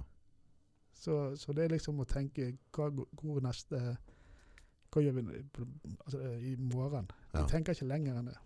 Det går step by step. Det er step by step. Det er jo en naturlig reaksjon nå for å ikke knekke. Mm. Og du må få litt tunnelsyn. Ja, og da, så som du sa i sted, informasjon er jo veldig viktig. Mm. Så da når, vi, når jeg reiste nå, så hadde vi begynt å henge opp sånne svære TV-er på veggen Mm. med informasjon når busser og tog gikk. Bra. Så det blir på en måte en slags hvis du tenker en flyplass eller jernbanestasjon.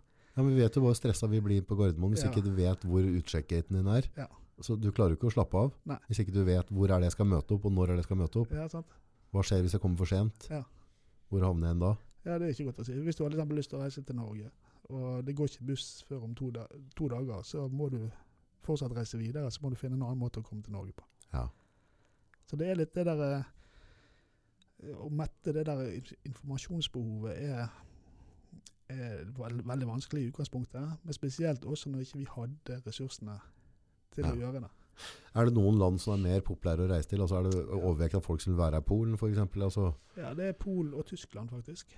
Polen og Tyskland? Eh, av en eller annen merkelig grunn. For Tyskland ble jo veldig fort eh, Fikk altfor mange. Så de bodde jo på gaten, og de, systemet brøt jo nesten sammen. Okay. Så, eh, så begynte jo også Portugal å bli populært. Portugal og Spania. Eh, utfordringen der var jo at de har et annet visumsystem. Eh, Så hvis ikke du hadde fylt ut papirene i forkant, og du reiste ned der, så havnet du på gaten uten hjelp. Så informasjonsstrømmen var jo kanskje ikke så god på de forskjellige landene. eh, På hva må du ha med deg av papirer før du kommer, for å få hjelp. Har de fleste med seg pass og papirer? Ja, Ja. Eh, det hadde de nok. Men de hadde gjerne ikke stempel i det passet. Nei. For du må stemple deg også ut fra Ukraina. Ok. Så i begynnelsen så var det et problem at folk ikke fikk stempel. Ja. Og da kom, kom det liksom ikke Videre. videre. Så vi hadde en dame, og hun reiste helt til Warszawa. Og snudde og reiste tilbake igjen til Ukraina for å begynne på reisen på nytt igjen. For å få stempel. For å få stempel. Og hun var 78 år. Det er så kjent når, når, når på en Ja. måte sånn byråkrati Det er, byråkrati fungerer veldig godt når det fungerer, og så blir det bare kluss når ikke det har, det har ikke noe slingringsmonn. Og det er jo litt trist. Men Ukraina som land, det er jo et stort land. Mm. Um, så jeg skjønner på en måte hovedstaden og at, at det kommer mye flyktninger derfra. Men er det, er det en store byer, landsdeler, Mm. som ikke flyktningstrømmene allerede har starta, men mest sannsynlig kommer til å starte etter hvert som russere fortsetter krigen? Eller har russere nå bomba og laga helvete overalt som kommer fra hele landet? Nei, altså Nå sier du at russerne trekker seg tilbake igjen i nord for å konsentrere seg om Sør-Ukraina. Altså okay. Donbas-regionen og sånt. Ja, Men eh, hva, vi, skal- hva vi skal stole på russerne gjør, det Nei, der, har vi bomma Ja. litt, da. ja, eh, Det eneste russerne har klart å gjøre, det er å vise hvor udugelige de er. Mm. For å si det rett ut. Mm. Det, det er flaut, det de har gjort. Mm. På alle nivåer. På, på alle nivåer. Eh, men eh, det får nå være. Men eh, når jeg reiste, så, så fikk vi opplysning om at det var en million flyktninger i Lviv.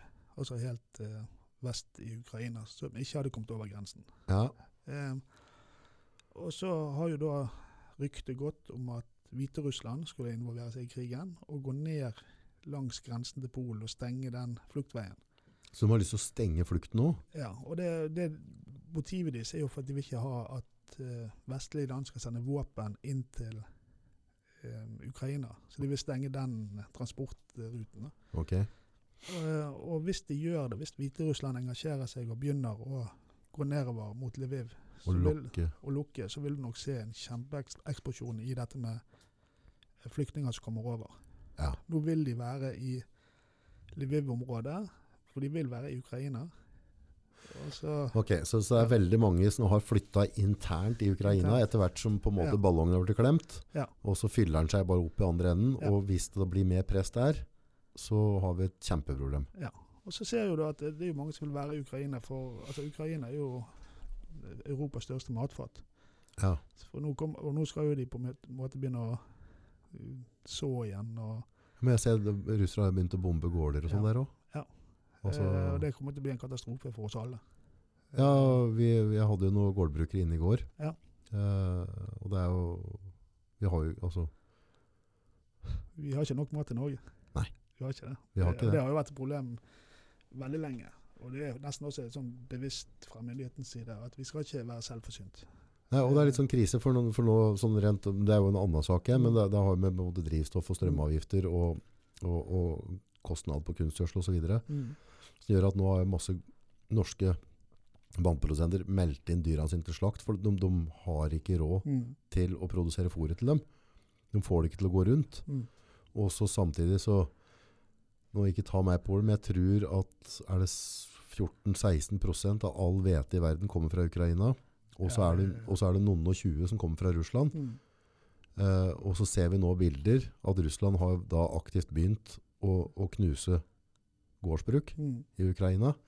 Så, så, og da, da begynner vi å snakke om tett oppunder 40% av bare Mm. hveta til verden. Ja, og du må jo se det hvem som er avhengig av Ukraina. Altså, du har Libanon, f.eks. Mm. Importerer det meste derfra. Tyrkia er en stor importør. Mm. Eh, så de landene som kanskje eh, i utgangspunktet er litt sånn failed state, som vi kaller det. Altså de ikke er så, så gode på ting Ja. fra før av. De, eh, de får det enda verre nå. Ja. Og, og det gjør jo at konflikter kan blusse opp. Spesielt i Midtøsten. da. Så vi kan få nye kriger ut av det. Nye kriger og nye flyktningsituasjoner der folk må flykte.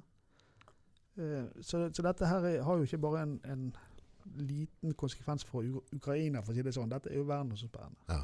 Og det er jo også, vi har jo hatt en, en lengre periode nå der det har blitt en høyere og høyere sånn type globalisering. Da. Mm. At vi handler mellom landa.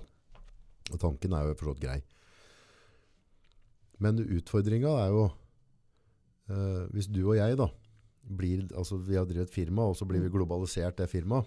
Men du og jeg er egentlig bare to små drittunger Mm. som, som folk har bare behandla med respekt, på, altså bare sånn politisk korrekthet. Mm. Men i utgangspunktet så vet vi at hele verden driter totalt i Norge. Mm. Så når, det er bare Norge som bryr seg om Norge. ja, og så, tru, så tror vi på en måte, altså jeg vet ikke hvor mange prosent av olja vi, altså vi lager noe olje som er mye for oss som er innbyggere, men vi er veldig få folk, ikke sant? Vi er ikke en forstad Nei. i en stor, et stort land. Og så skjønner vi ikke at vi kommer ikke til å få maten først. Det hjelper ikke om vi har penger. For jeg tror, jeg tror verden i seg selv skiter totalt i Norge når det kommer. Det er fem millioner. Ja. Altså la nå de folka der dø. Da. Det, er, det, er, det, er, altså, det er jo ikke en tredjedel av, av hovedstaden vår engang, så, så skit noe i Norge. Så jeg tror det sånn i den der altså, å være med på å globalisere når du er en liten dritt, Mm. som du og jeg er, Ja. da trekker vi et jævla kort strå, tror jeg. Ja, altså, ikke det London er åtte millioner innbyggere? Ja, det, er- det, er- det, er- én by Ja. i England, ikke sant? Ja. Så hvis du tror da at borgermesteren i London Ja, altså, kommer til å prioritere oss på noen som helst måte, da tenker jeg, det toska der, de får bare så Mm. noen poteter og ordne og styre. Men at vi ikke tar vare på gardbruka vår i den tida her nå, er ikke Eller det litt sjukt? fiskeriet vårt. Ja. Sant? Ja, også oppdrettslaksen vår, det er, det er jo importmat de fôrer Ja. dem med. Nei, altså det, det, er riktig det, oi, det er mye riktig det du sier, at vi Altså Når vi hører politikerne våre, når Støre og disse her står på, på TV og sier at nå har vi snakket med Putin, og nå har vi eh, gjort det, og vi har gjort det, så det er bare tull. For det at vi, er også denne lille ungen som sitter på enden av bordet på søndagsmiddagen. Du blir hørt, men Det er bare for at du skal stille etterpå, liksom. ja. Ikke lag så mye støy. Ja, liksom. Eh, vi har ikke, og nå har vi betalt mange millioner for å komme inn i Sikkerhetsrådet, eh, så- som bare var tull. Eh, men det, det, de norske politikerne har kanskje litt sånn grandiose tanker om seg sjøl i verdensbildet. Ja. Eh, og det må vi kanskje ta litt eh, personlig. så synes jeg det Vi bør ta det litt på alvor-. Vi bør Ja. se at fiskeriet vårt eh, har vi solgt ut av landet, til Kina. Vi, eh, skal vi kjøpe butikk, fisk på butikken i dag, så står det CE Altså det, det står at den er foredlet i Kina. Ja. Det er jo helt latterlig. Ja. Eh, vi har eh, gjennom mange år fått advarsler om at vi ikke er robust nok på egen matvareproduksjon. Mm. Har ikke tatt det så seriøst. Eh, og så har vi selvfølgelig det at Europa nå har så vært avhengig av russisk gass. Mm. Eh, Vi pumper jo penger inn i Russland ennå. USA kjøper akkurat like mye Ja. gass og olje til Russland Ja. ennå. men de kommer nok til å se på andre løsninger etter hvert. Spørs om altså- kanskje de hører litt mindre på Greta Thunberg i det øyeblikket her nå, og så Ja. tenker vi litt mer på å være litt robuste. Altså når de snakket tidligere, tidligere om at et brød kunne koste 100 kroner i Norge til sommeren, så begynner vi å nærme oss den Tror du at de kan gjøre det? Ja. fordi at eh, det blir for dyrt å produsere. Og eh, når bensinprisene Seriøst? Våre, ja. Og når bensinprisene våre så er det 25 kroner Ja, literen, Ja. det er jo helt forferdelig. Og strømprisene har vært sånn som den har vært. Ja. Så ser vi hvor sårbar det systemet vi, vi har er. Men Norge som nasjon tjener jo gode penger på dette. Altså det, Norge, Norge håver jo inn milliarder på, på disse prisene. Men vi nordmenn får kanskje ikke dra samme nytten eh, av det. Nei, jeg blir, jo veldig sånn frustrert og, og, og skremt. Jeg vet at jeg spiser mat hver dag, da. Og jeg vet at jeg ønsker å gi det til ungene mine hver dag. Mm. Jeg, jeg vet at uh, med tanke på den magen jeg har nå, så spiser jeg tydeligvis litt for mye. Mm. Så jeg, jeg tåler mindre mat, og ungene mine tåler helt sikkert litt mindre uh, variasjon i maten. Altså vi, vi kan gjøre en del der. Men jeg har ikke lyst til at vi ikke altså Jeg tenker sånn hvis jeg hadde leid inn deg nå, og så sier jeg at ok, nå ser flyet opp i lufta, og så ser du verdensbildet her nå. Hva tenker du dere? Mm. Eh, hva bør vi begynne å forberede? Hva ville du tenkt? Altså, det som er helt naturlig, å tenke på at vi bør være mer selvforsynte på fiskeforedling Ja. og um, kornproduksjon og, og kjøttproduksjon. Ja. At vi bør være litt mer robuste for sånne tider som vi er inne i nå. Ja. For nå eh, har vi kanskje hvilt litt på laurbærene. Nå er det mange år siden det var krig i Europa. ja. og Så har vi hatt penger til å importere alt. Vi, altså, Ja. vi kan ha ti litt- sorter i alle ja, butikkhyllene. er liksom, altså, eh, Sist var vel i Jugoslavia det var krig i Norge. Mm. Eh, krig i verden. Mm. Og um, vi er litt sånn plassert i Norge. Vi snakker til og med om altså du ser Miljøpartiet som ville fjerne all oljeproduksjon og gassproduksjon. Ja. Det er litt sånn, vi, vi er rik når vi har lov til å tenke sånn. Ja. Og, og bare spise Ja. Ikke spise kjøtt og bare sånn. Da er vi litt rik. Ja. Det er kun rike land som, som tenker sånn. Ja.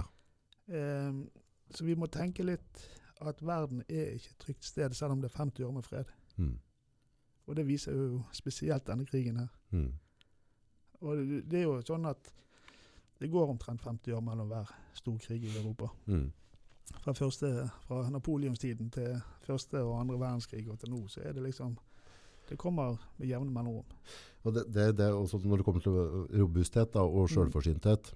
om det er energi eller om det er mat, det er jo i forhold til energi det også, Mm. så er dette litt sånn herre kall det russisk rulett. Mm. Eh, men sånn, og igjen, jeg, ja, jeg forstår meg ikke på dette her, men, men i hvert fall sånn der, eh, med tanke på at han, han eh, Putin, jeg stoler ikke nok på han til at jeg hadde vært villig til å ta sjansen på at vi ikke øker matproduksjonen i Norge nå. Altså, Mm. det, da er det litt for mange kuler i kammeret. Altså, Mm. det, det, er ikke, altså, det, er, det, er- ikke sånn at bare Nei, satser på at han Putin finner sikkert ikke på noe mer tull. At det, går- det går sikkert bra. At det er så, nei, vi trenger ikke så så mye mat i Mm. år, gutta. Vi, vi drar ned matproduksjonen, og så tar vi og justerer opp litt pris. Altså, Mm. det, det, jeg hadde aldri tatt den risikoen. Altså, for der, der magefølelsen min sier at vi har et Europa som mest sannsynlig kommer til å forandre seg for lang, lang, lang tid. Mm. Det kan kanskje gå sånn tålig greit, men sjansen for at det går ordentlig til dundas er veldig, veldig, veldig stor. Da vil jeg bare tenke på, altså det første jeg gjør da er å fylle opp liksom spiskammerset mitt. Mm. Men, det, men du så jo det under korona med dopapir. Ja. Vi først fyller vårt eget lager før vi hjelper naboen. Ja. Eh, og sånn er jo landet òg. Altså, en leder i et land vil ikke godta at sine innbyggere lider fordi at de skal hjelpe andre. De vil først sørge for seg sjøl, og så vil de Gjør vi det i Norge? Nei, ja, jeg tror nok det òg. Altså, huske på- Føler du at Støre og gjengen nå bare virkelig nå, ja. nå, nå må vi tenke på folka av sjøl, ja. må vi tenke på maten til neste år. Og så, og så får vi det på stell først, og så skal vi hjelpe ut. Er det det du føler skjer? Nei, men altså hvis du ser eh, Hvis du går litt her nå, igjen tilbake til fugleperspektivet. Ja. Vi tjener utrolig mye penger på det som skjer i Europa nå. ja. Norges eh, bankboks den fylles med penger. Eh, jeg tenker da at vi burde hjulpet bøndene med å si at eh, de får billigere eh, strøm ja, og drivstoff. og De drivstoff. såkalte avgiftsfrie Ja. Eh, disse som driver med fiske, at de får bedre Altså få opp igjen disse fabrikkene som vi har. Kina er heller ikke et så stabilt land for oss å, å, å satse pengene våre på. Nei, jeg vil jo si at du er en ganske sånn reckless gambler Mm. hvis du legger alle eggene dine i kurven Ja. til kineseren. Og så, så når du sier eh, Vi er jo bare fem millioner innbyggere. Vi har utrolig mye penger. Burde vi gjort det bedre? Ja. Jeg syns personlig at vi har blitt veldig late og sånne småfeite nordmenn som er veldig opptatt av ting vi kan kjøpe og oppleve. Ja. Altså bruke penger på ting uten å orke å jobbe for det. Nå så jeg eh, også i Ringsaker, så var det liksom De etterlyste folk som kunne jobbe på jordbæråkeren og disse eh, polske som ikke kom pga. koronaen, Mm. så fikk ikke de tak i norske arbeidere. Nei. Det at det er liksom Jeg har ikke lyst til å jobbe manuelt på en gård. Mm. Så det er litt sånn Men det magiske er liksom at, at, eh, det som, at det kommer fram da, i Mm. medium. Liksom, altså, ja, vi har problemer med jordbærplukker og sånne ting. Og så bare sånn derre Ja, men karbohydrater og kjøtt som vi må ha for leva. Ja. Skal vi fokusere på det, folkens? Eller, altså, mm, for jordbær er jo også bare en jævla luksusvare, ikke sant? Det gjør det. Ja, men det er, det er jo liksom, hvis avisen er skrevne, og jordbærsesongen, og nå står den i, i brann og i fare, og så glemmer vi at vi må ha brød, Mm. og vi må ha kjøtt, vi må ha fisk. Ja. Og grønnsaker må vi ha. Altså, jeg vet ikke hva planen er myndighetene. Jeg håper jo de har en plan for dette. For det at, eh, som du sier, Vi kommer til å være i den situasjonen her i mange mange år.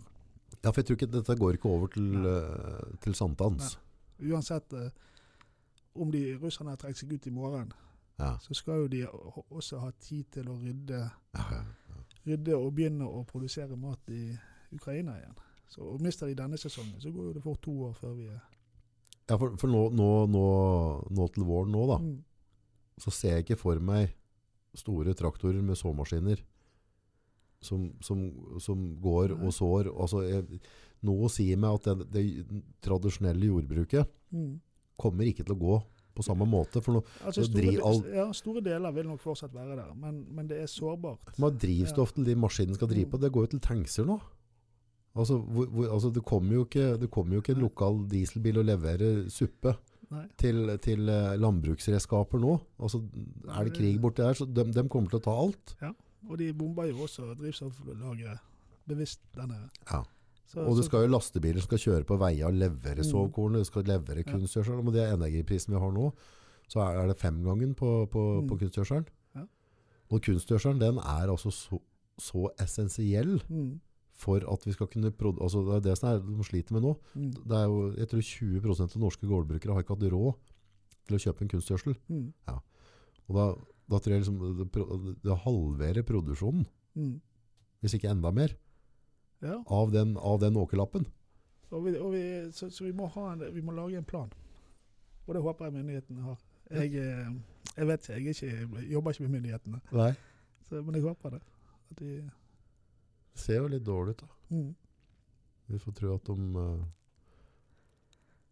at de gjør det riktig.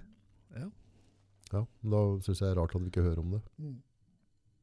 For ofte hvis folk gjør noe riktig, så er de flinke å si fra at de gjør det. Det er jo sånn. Ja. Ja. Men du har jo vært, vært mange steder rundt Mm. i verden der det har vært unntakstilstander. da. mm, Og da har du sikkert sett gjentatte ganger at det med mat og, Ja. og, og, og rent drikke er eh, en problemstilling. Altså, du, uansett når du, når du har sånne katastrofer eller um, Nå kaller ikke jeg Ukraina en katastrofe. Nei, det er en krig. Det er en krig, og det er en, ja, altså en katastrofe hvis du, hvis du tenker Hvordan definerer du en katastrofe? Ja, Da er behovet for hjelp større enn ressurstilgangen. ok. Ja. Men nå er ressurstilgangen så stor, for det er hele Europa. Ja. Så det mangler egentlig ikke på noe. Eh, trenger du noe, så får du tak i det. Ja. Så Derfor kaller jeg ikke det en katastrofe, jeg kaller det en krise. ja. For det er det.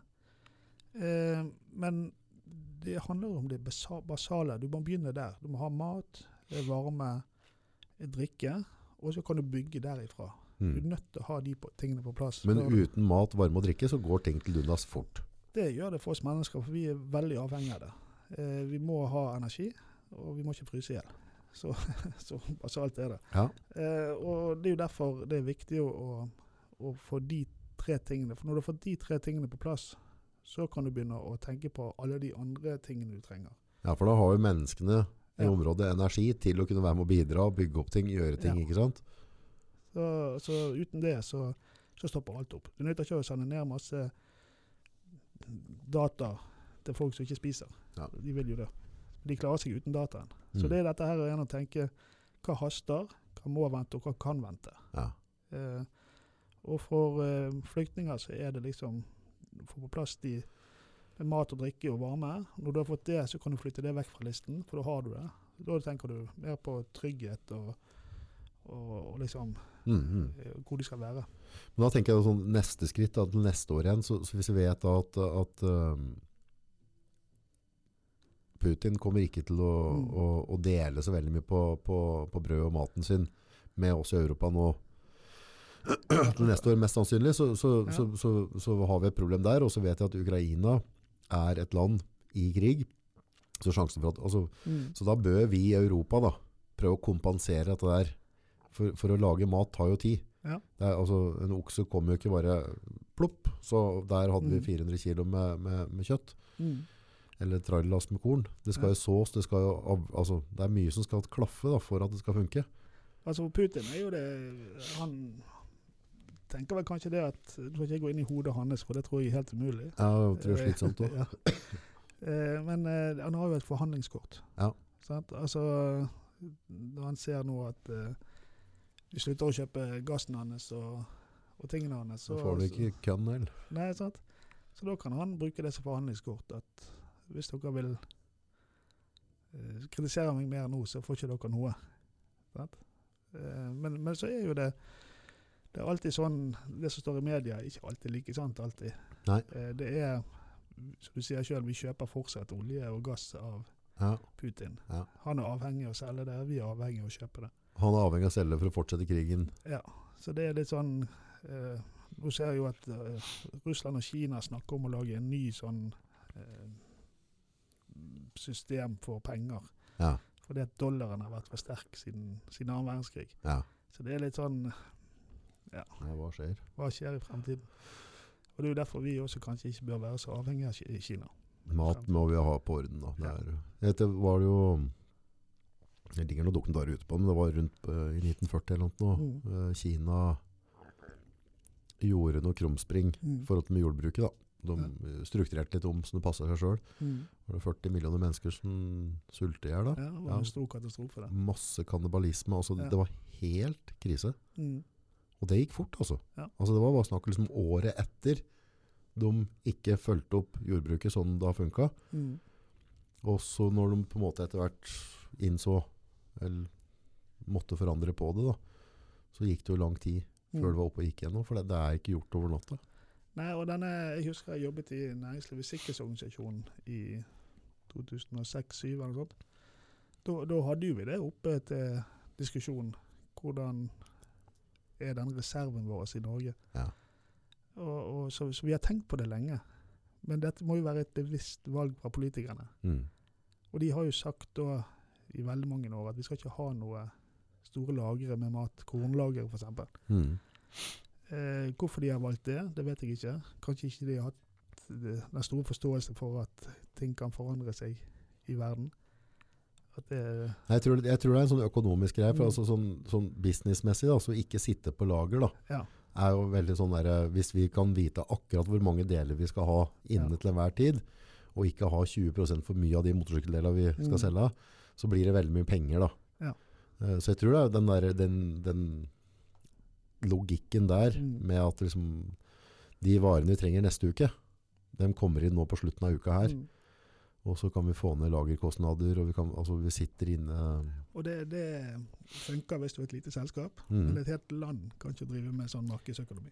Ja, og så tenker jeg det er litt forskjell på om vi gambler på en motorsykkeldel Mm. som går til om du og jeg skal få kose oss på lørdagskvelden og kjøre Mjøsa rundt. Ja. Det er et litt annet game når vi snakker på, på sult. Ja. Og, og det er derfor vi er nødt til å kanskje gå en ny runde med den debatten. Eller de politikerne. Jeg er jo ikke lenger politiker. Jeg var jo politiker i Bergen Ja. en stund, men jeg, nå er ikke jeg eh, Du, tok, du tok til fornuft. Ja, men jeg ser også svakheten i det politiske systemet vi har. Mm. Eh, Det er ofte de politikerne som aldri har opplevd kriser og katastrofer utenom når de er på sånne gjesteopptredener Mm. eh, med privatfly. Så, så klarer ikke de helt kanskje å sitte seg inn i at dette kan faktisk skje i Norge òg. Men forhold til hva du har sett, av- Mm. altså din erfaring i livet, eh, fra, fra Mm. de områdene du har vært der ting har gått til dundas, og så sier jeg da at eh, som du ser verden nå, verdensbildet, om det er Kina, USA, Russland, altså Tyskland alle, Så sier jeg at landet Norge er 40% sjølberga på Mm. mat. Er det en situasjon du er komfortabel med? Sånn du ser verdensbildet nå i dag? Nei, det skal vi aldri Uansett om det hadde vært fred og, og sånn, så, så syns jeg jo det er lite. For det at vi har så mye ressurser i Norge som, som ikke vi har. Så hvis du skulle laga en beredskapsplan Ja. for Norge i fred, Mm. eller at at det er en stabilt verden, så hadde du ikke vært fornøyd med 40% Og jeg, jeg er heller ikke fornøyd med at ikke vi kan oppeskalere den hvis vi kommer i en, strid, altså en katastrofesituasjon, Mm. eller, eller sånn som Europa nå er med, med Ukraina, så kan ikke vi fort øke den produksjonen. Vi har ikke noe Nei, nei, vi har ikke noe grep som kan snu Nei. om. Nei, for det som skjer nå er jo at folk leverer inn budskapet sitt til slakt, Ja. og, og kjøper ikke inn uh, gjødsel. mm. Og er det to gårdsbruk blir lagt ned i døgnet i Mm. Norge, har vært de siste åra. Så vi er jo på turen vi, vi, Altså Nå skal vi være veldig forsiktige med å snakke om jordbrukspolitikk. ja, ja, ja, men jeg tenker mat, ja. ja. Altså, ikke, det har ikke noe med politikk altså, det, har, e- for, for, det er vel fram til at det har egentlig ikke noe med penger å gjøre. Det har noe med Mm. tryggheten for landet vårt. Og da kan vi ikke regne på kroner og øre i alt. Nei, altså det er, det er For hva er penga dine verdt hvis ikke du får spist? Ja, altså Trygghet er jo det, er det som vi jobbet med veldig mye med disse eh, gjestene våre på Tesco. Ja. Å skape et, et trygt miljø, for det har utrolig mye verdi. Ja. Eh, Folk som ligger våkne om natten og ikke får sove på det at de tenker på i morgendagen, Ja. de, de, eh, de går fort til grunne. Ja. Eh, og det eh, Så Norge bør kanskje ta noen runder på, det er jo sammen med disse politikerne, det er det at velger vi å ha det sånn, så må vi også ha en grunn til å velge det sånn. Ja. Ja? Uansett hva vi gjør her i livet, så må vi, må vi på en måte dokumentere at vi har valgt å ha kun 40% som du sier. Men, og da må vi også forklare hvorfor vi har valgt at vi skal bare ha 40 Mm. altså, eh, Og den forklaringen har ikke jeg hørt ennå. Eh, Det, det kan godt være da at de sier at vi skal satse alt på import fordi at vi har gjenkjøpsavtaler med andre land og sånn. Jo, men når de landene svikter, hva gjør vi da? Mm.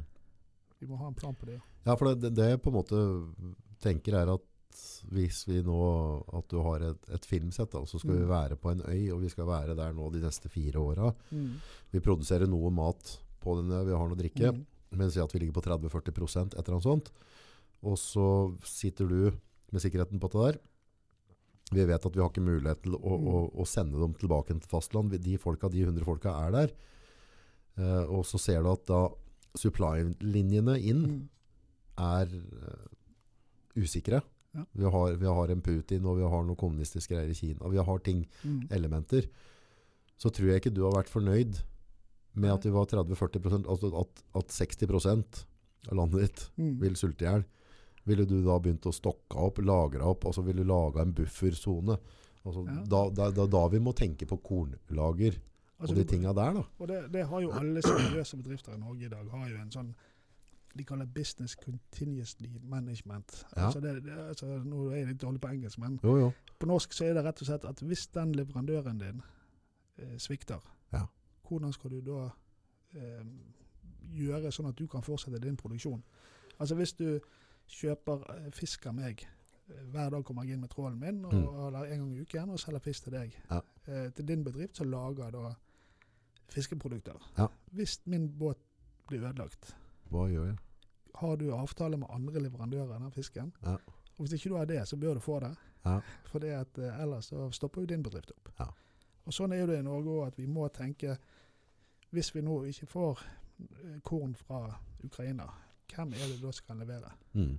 Eh, Ja, og, eller og vi har kanskje ikke tatt så mye korn fra hverken Russland eller Ukraina, men, men det er jo en del andre land Ja. som har gjort det, som igjen kommer til å antageligvis gnage på de mm, kontaktene vi får fra nå. Ja. For de, de kommer ikke til å si at ok, nei, vi fikk ikke mat, så da, da er det Mm. greit. da. og Da blir det litt sånn som dette med den covid-vaksinen. Husker du den? Ja, At uh, de som har mye penger, de kjøper først. ja.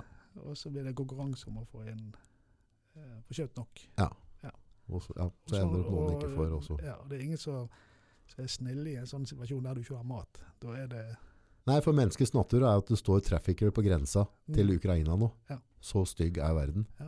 Eller i norske mottak. Ja, Tenk på det. ja. Her i, ja, Det, sånn, er det, sånn er vi, vi menn, kanskje. Vi burde Ja. vært straffet hardt og lenge, de som gjør det. veldig. Mm. Så, Men det, ja, nei, jeg skjønner ikke logikken, altså hva, hva, hva som driver dem, og hva, Ja. hva gikk gærent. Men Det er jo det som er vanskelig for oss å tenke på en annen måte og sitte så inn i den. Jeg kan forstå det, altså hvis du tenker helt sånn eh, at hvis jeg har et problem, en sykdom en, Mm, mm. en sånn, Men bare det å gjøre det, det, det er så utenkelig for meg. Ja, men det er jo det som ikke skal bli utenkelig, Mm. er at vi skjønner at, det- at det kommer til å skje. Ja. Så at vi er nødt til å forberede oss. Ja. Og det gjelder jo om det er matgreier eller hva det nå enn er, Ja. så, så må vi være klar over. Vi må sette opp disse Altså Hvis du tenker at eh, huset ditt, eller dette studioet ditt, hva har du her for å passe på at det ikke blir brann, f.eks.? Ja. Jo, du har eh, bygg, byggforskriftene. Ja. Du har eh, sjekket at strømmen er bra. Du sjekker utstyret ditt. Og Ja. du har et, gjerne et brannslukningsapparat og en brannvarsler. Ja. Det er sånne tiltak du setter inn før det skjer en brann. Ja. Og så må du tenke ok, hvis jeg har alle disse tiltakene, likevel så skjer det en brann.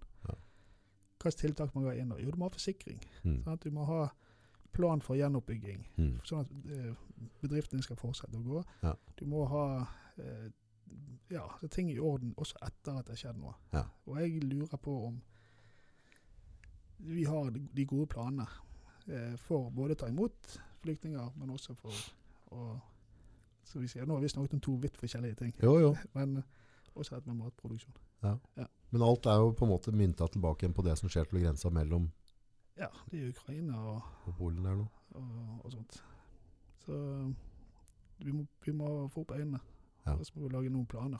Gode planer. Gode planer Ja. Gode planer er alltid viktig. Da. Ja, være gode mennesker. Og det kommer, nå kommer det masse, masse folk fra Ukraina inn til Norge òg. Ja, mye ressurspersoner. Så nå må vi eh, være flinke til å utnytte det på en god måte. Ja, og da tenker jeg, da, da er det jo viktig som byråkrati. Altså, la oss Hvis du da er egentlig Mm. utdanna lege, da, og så har jeg for lite lege på sykehuset mitt, så sier jeg Ja. nei, det får du ikke lov til, dere, for, eh, for du har ikke rett stempel. Mm. Så okay, Hvis du ikke har rett stempel, da, hvis du må så må få fortgang Mm. i at du kan få konvertert det, Ja. så jeg kan få lov til å bruke dine ressurser.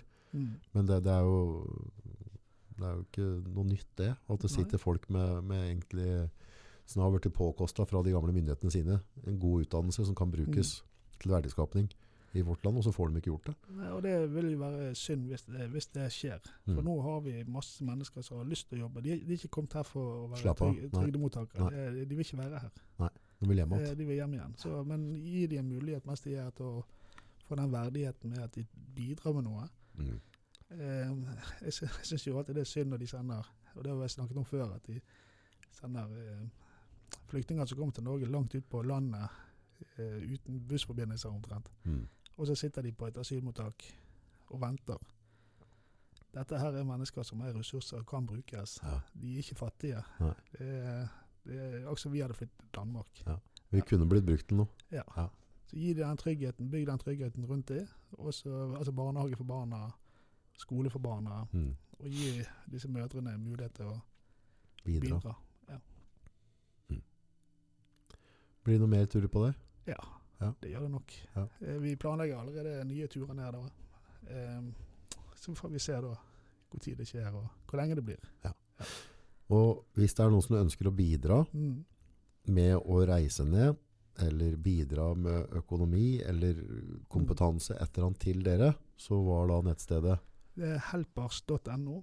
helpers.no. Ja, vi, vi, når vi reiser ned, så betaler vi alt sjøl. Ja. Eh, de pengene vi samler inn, de går til Vi kjøper ting der nede. Ja. Eh, det å ta med seg ting fra Norge, det er både dyrt og unødvendig. Ja. Eh, Polen er et fullt oppegående land.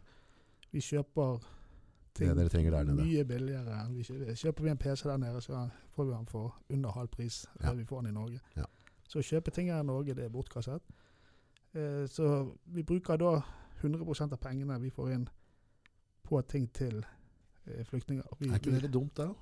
Jeg syns jo dere skulle hatt altså, for, for, altså, hvis du, altså, Det er jo begrensa hvor lenge du kan reise ned på Mm. egen maskin der opp. Og det vil jo skape også stress. Mm. Så dere burde jo tenkt litt førstehjelp sjøl òg. Altså, ikke det at du skal Ja. gjøre deg rik på dette, her, men, men at, at du i hvert Mm. fall legger det opp til at dere har muligheten Mm. til å fortsette som dere gjør. da. Ja da, altså vi, vi tenker jo på det, men foreløpig så, så tenker vi at det er bedre å gjøre det på den måten. Vi har jo også laget et vi har en sånn internasjonal helpers hub der nede. Det er et hotell Eh, Et veldig fascinerende hotell som eh, vi kaller det Kattehotellet. Det er så mye katter som går på hotellet. Alt er kattehår og, Ja. og sånt. Det er et eh, eldre ektepar som driver. Ja. Eh, Der har vi laget en sånn avtale at det er bare hjelpearbeidere som bor der, Ja. og de får det litt billigere. Og, og da kan de på en måte komme til et sted også om kvelden de kan blåse ut litt og Ja. ta seg en øl og snakke med andre Ja. i samme situasjon. Så, vi, så vi, har, vi driver også det senteret der nede eh, for hjelpearbeidere, Ja. så de kan komme ned. Hvis det er noen ressurspersoner som ønsker å reise ned nå Mm. om en uke, to uker, måned, tre uker, altså en eller annen Ja. tid, hva, hva, hva kan forvente dem?